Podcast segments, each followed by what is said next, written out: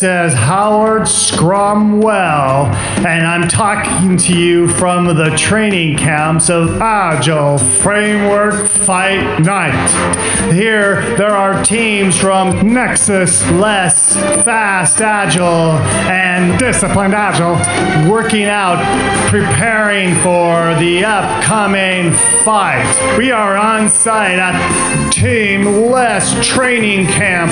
Let's check in and see how Victor, the Simplifier, is training his team. Uh, hi there. If you're looking for the less people, well, uh, they uh, they finished their work and moved on.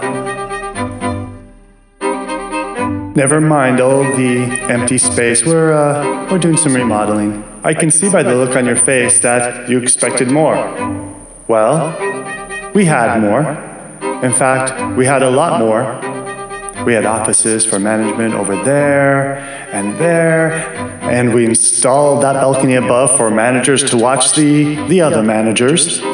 Things were incredibly efficient here. We had a lot of people, a lot of very important people. It was a very grand arrangement. The org chart was such a thing of beauty it had all of these wonderful links of reporting and sub departments and sub departments for sub departments. Oh, so wonderful. It told a story of managers very busy with small, agile teams. You wouldn't believe the dependencies we had, they were just mighty and awesome people would come from far and wide just for a chance to work with such dependencies, and the coordinators needed for such dependencies, and the managers to manage the coordinators, and of the escalations. Oh, you have never seen such escalations, and the, the amount of effort that was needed to, to handle the mobs of angry managers with dependencies who were always escalating. Oh, it was a system of just beauty. There was so many meeting rooms needed for those escalation meetings, and there weren't enough, and people would just suffer with them. So we made plans, yes, plans to add a whole new wing. A whole new wing just to have meetings about escalations and dependencies. It was just going to be grand. And the architecture drawings were just immense, a cathedral to, to, to, uh, it's all gone now. We brought in the less consultant. And, well, she made us reform our teams. And you know, that totally trashed our plan expansion. The dependencies and escalations were, well, they were less. So then the management coordinators were, well, less. Management loved that consultant, now less. But the stockholders were happier. And the teams, well, you know, they seemed like a bunch of angry crybabies, but they became happy when their efforts were connected to products purchased by customers. Well, you know, who would have thought?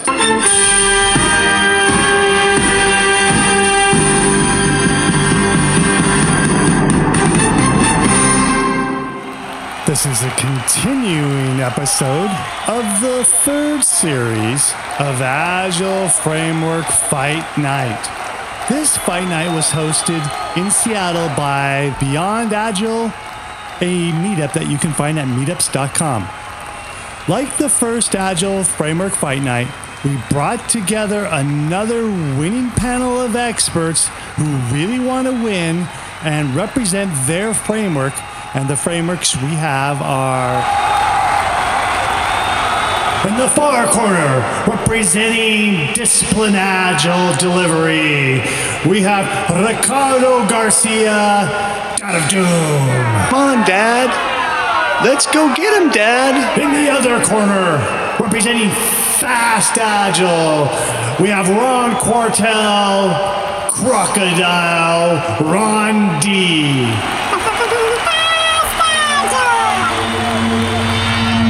In the other corner of the ring, surrounded by five exaflops of computing power, is Barry L. Smith, representing Team Nexus. Also known to his fans as the Nexus Knight. We will have Nexus Nexus, Nexus, Nexus, Nexus. And in the other corner, an austere part of the corner, is Team Less. And representing Less is Victor Grgic, the Simplifier. Less is more. Less is more. Less is more. Less is And the moderation was done by yours truly, Lancer Kind, the unkind.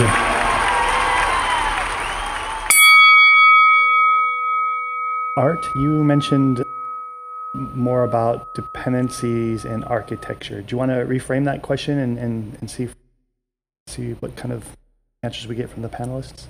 Not sure if we need to go back to that. I'm, I'm sorry, I kind of lost context a bit. Oh, okay. I just just kind of in the mindset there, thinking like we're trying to create frameworks to deal with dependencies when possibly our architecture uh, is creating the problem that we're dealing with. Right, right. Right. Yeah. So, what do you think? Would it be the same answer that we've already heard? Is is get people to work together and uh, redesign when they need to, or should we see if people have different responses? I guess the best uh, there is uh, what Victor said. Have people talk. no. Right. Yeah, but just to kind of, um, um, I, I, I read now uh, John's uh, several arguments here. The thing is, definitely, I think I also mentioned, definitely don't want to give impression uh, we talk, that we're talking about something straightforward. It's just just let people talk and everything will turn out good. That, that's You're- you're- absolutely not what I'm saying. Yeah, you're making an assumption that they're not talking, and I'm telling you that they're talking. What I- what I said is that it's a way more complicated, and um, I just want to.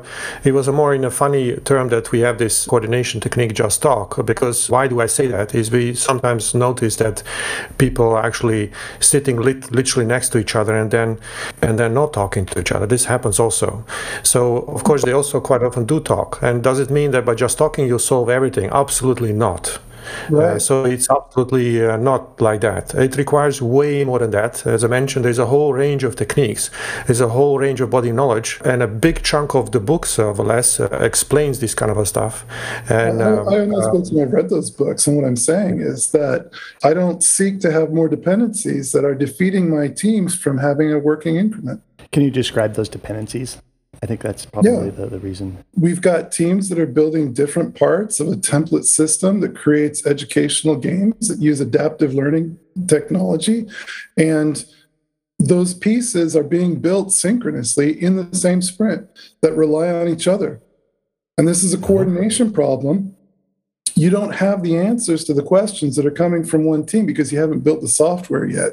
So there is such a thing as a dependency that has a predecessor and a successor. And if you don't count account for that and have them separated by sprints, there are no answers to the questions that come up, and you have a paradox. Yeah, they would would probably need to dive into detail uh, to kind of understand better. But let me take just one example, which sounds that similar. I've seen many teams developing, let's say, front end and back end, whatever the front end and back end is, and they have an API, and then they say we can, uh, okay, you build the API backend part, and once you finished it, then we can actually continue upon that. But in software, uh, you don't need to do that. You you need to actually agree on the API, create a fake provide a fake to the other team, they build against the API, and then along the way you continuously integrate. Sure, that, that, that's one way of approaching it. Yeah. And if you uh, have designed the API uh, exactly, uh, you know, according to the contract, and and it, and it functions according to the contract, then everything's fine. But sometimes they don't even know what the contract is going to be. Somebody said, "Well, you know, Swagger. That's great. I hope you were born with Swagger." Because, like, I don't know how you're going to just instantaneously say it's on the Swagger document. Just build it according to the Swagger document. No, no. I mean, uh, you continuously integrate is the most important part. So you agree upon API, but you assume that you don't have knowledge that API is correct. So therefore, you integrate in order to uh, uh, uncover the misunderstanding across teams. But you can work in parallel. That's the key thing. Uh, Yeah, I think Victor, something I'm hearing here is uh, a very valuable point. Is if we do them in small batches and we integrate very often, You know, Yes. it becomes a matter of we're just making the next decision. We're not making all the decisions, right? And so our communication becomes a lot more, uh, a lot more, uh, you know, tight and everything. We don't need to wait till somebody's entirely done with something before we do something. Whole thing. Exactly. Small decisions, small chunks, Yeah. fast feedback. Yes, that's true. And you also run into conflict of law because there's this idea of a vertical slice, something that's valuable that manifests to the end user, and developing all of that inside of, you know, a month or less iteration. And the underlying infrastructure and architecture, like that's something that maybe isn't a vertical slice, isn't recognizable to the user. And so saying like, okay, we're gonna have continuous integration in addition to like, you know, having these these teams that dependencies are good, so they're gonna depend on each other to have a design that is that is occurring simultaneously with the implementation and the the integration and then getting feedback from the user it, it sounds really nice in theory it doesn't pan out in practice. It's not happening right now. I mean we can we can talk about the theory and like you know pursuing these ideals but in practice it's not a slam dunk. It's not something that like oh just talk and and it'll work out. Yeah, John, Yes, uh, these, these are very complex topics of mm, dependencies, and they're all different in, in all frameworks and companies.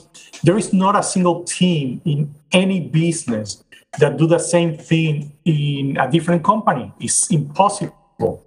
And that's the reason that understanding the context and the type of work that is happening is where you choose the best way to address it internally because there is not a simple answer to be able to address dependencies and how the teams work. yes It's difficult, and the only thing that we can do is provide some hints, right? right and and so how, to do that and how to address the dependencies but we can come back and say think about this this may work for you but that may not work for fast or for nexus so not- absolutely And- my I'm saying with the Scrum team, you know, saying like, no, dependencies are good. Have more dependencies. It, it will work out for you. I think is brought is is basically making a a panoramic claim. It's like a truth claim. yeah agree Yep, Sorry, I don't follow that. that what, what's that mean? A panoramic uh, plane? Is that what I heard? a claim. You're, you're, you're claiming that dependencies are good. They're a virtue, not a vice. They make things easier, not harder to do. And I'm saying actually the opposite. Dependencies are things that tend to slow teams down from delivering an increment. Wait, Victor, Yeah, is that what you're saying? Are you saying dependencies are good? Yeah, I'm very much aware that everybody else is saying uh, dependencies are not good. And so when I say dependencies are good, so um, Okay. the first reaction I disagree uh, is very useful reaction. I think communication and talking helps. I don't want to throw out the baby with the bathwater, but I haven't seen a lot of good come out of dependencies either. So it's a qualified kind of a response. But yeah, I, I, There is an intention behind such a statement. Uh, the intention is to actually be curious about what the heck does it mean because uh, it sounds to contradicting everybody else. Victor, it might be interesting to think about like the concept of, you know, last responsible moment, you know, leave your options open. When we think about dependency resolution, we usually think, okay, we have to come to a resolution, right? Maybe if we, uh, for dependencies, say, let's leave options open, it could turn out this way or that way. We don't care as much. We might have more innovation happen instead of locking everybody Yeah. into a contract.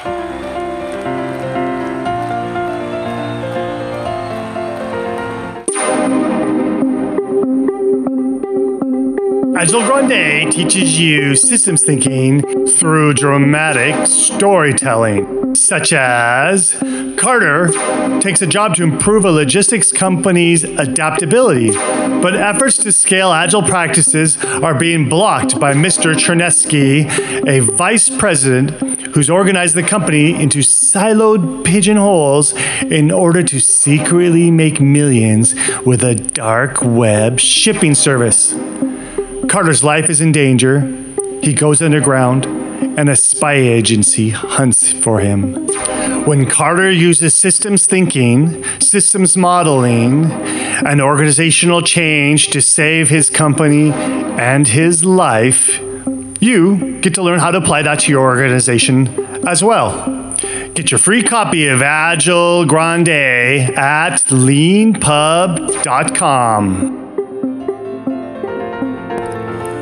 Check out the show notes because we've got goodies like links back to the meetup site and uh, links back to previous bouts of Agile Framework Fight Night. What are show notes? Show notes show up in your podcast player for your easy tapping. If you don't use a podcast player, go back to the website where you downloaded this MP3 and you will see show notes right there in the web page. This is the last episode of Agile Framework Fight Night.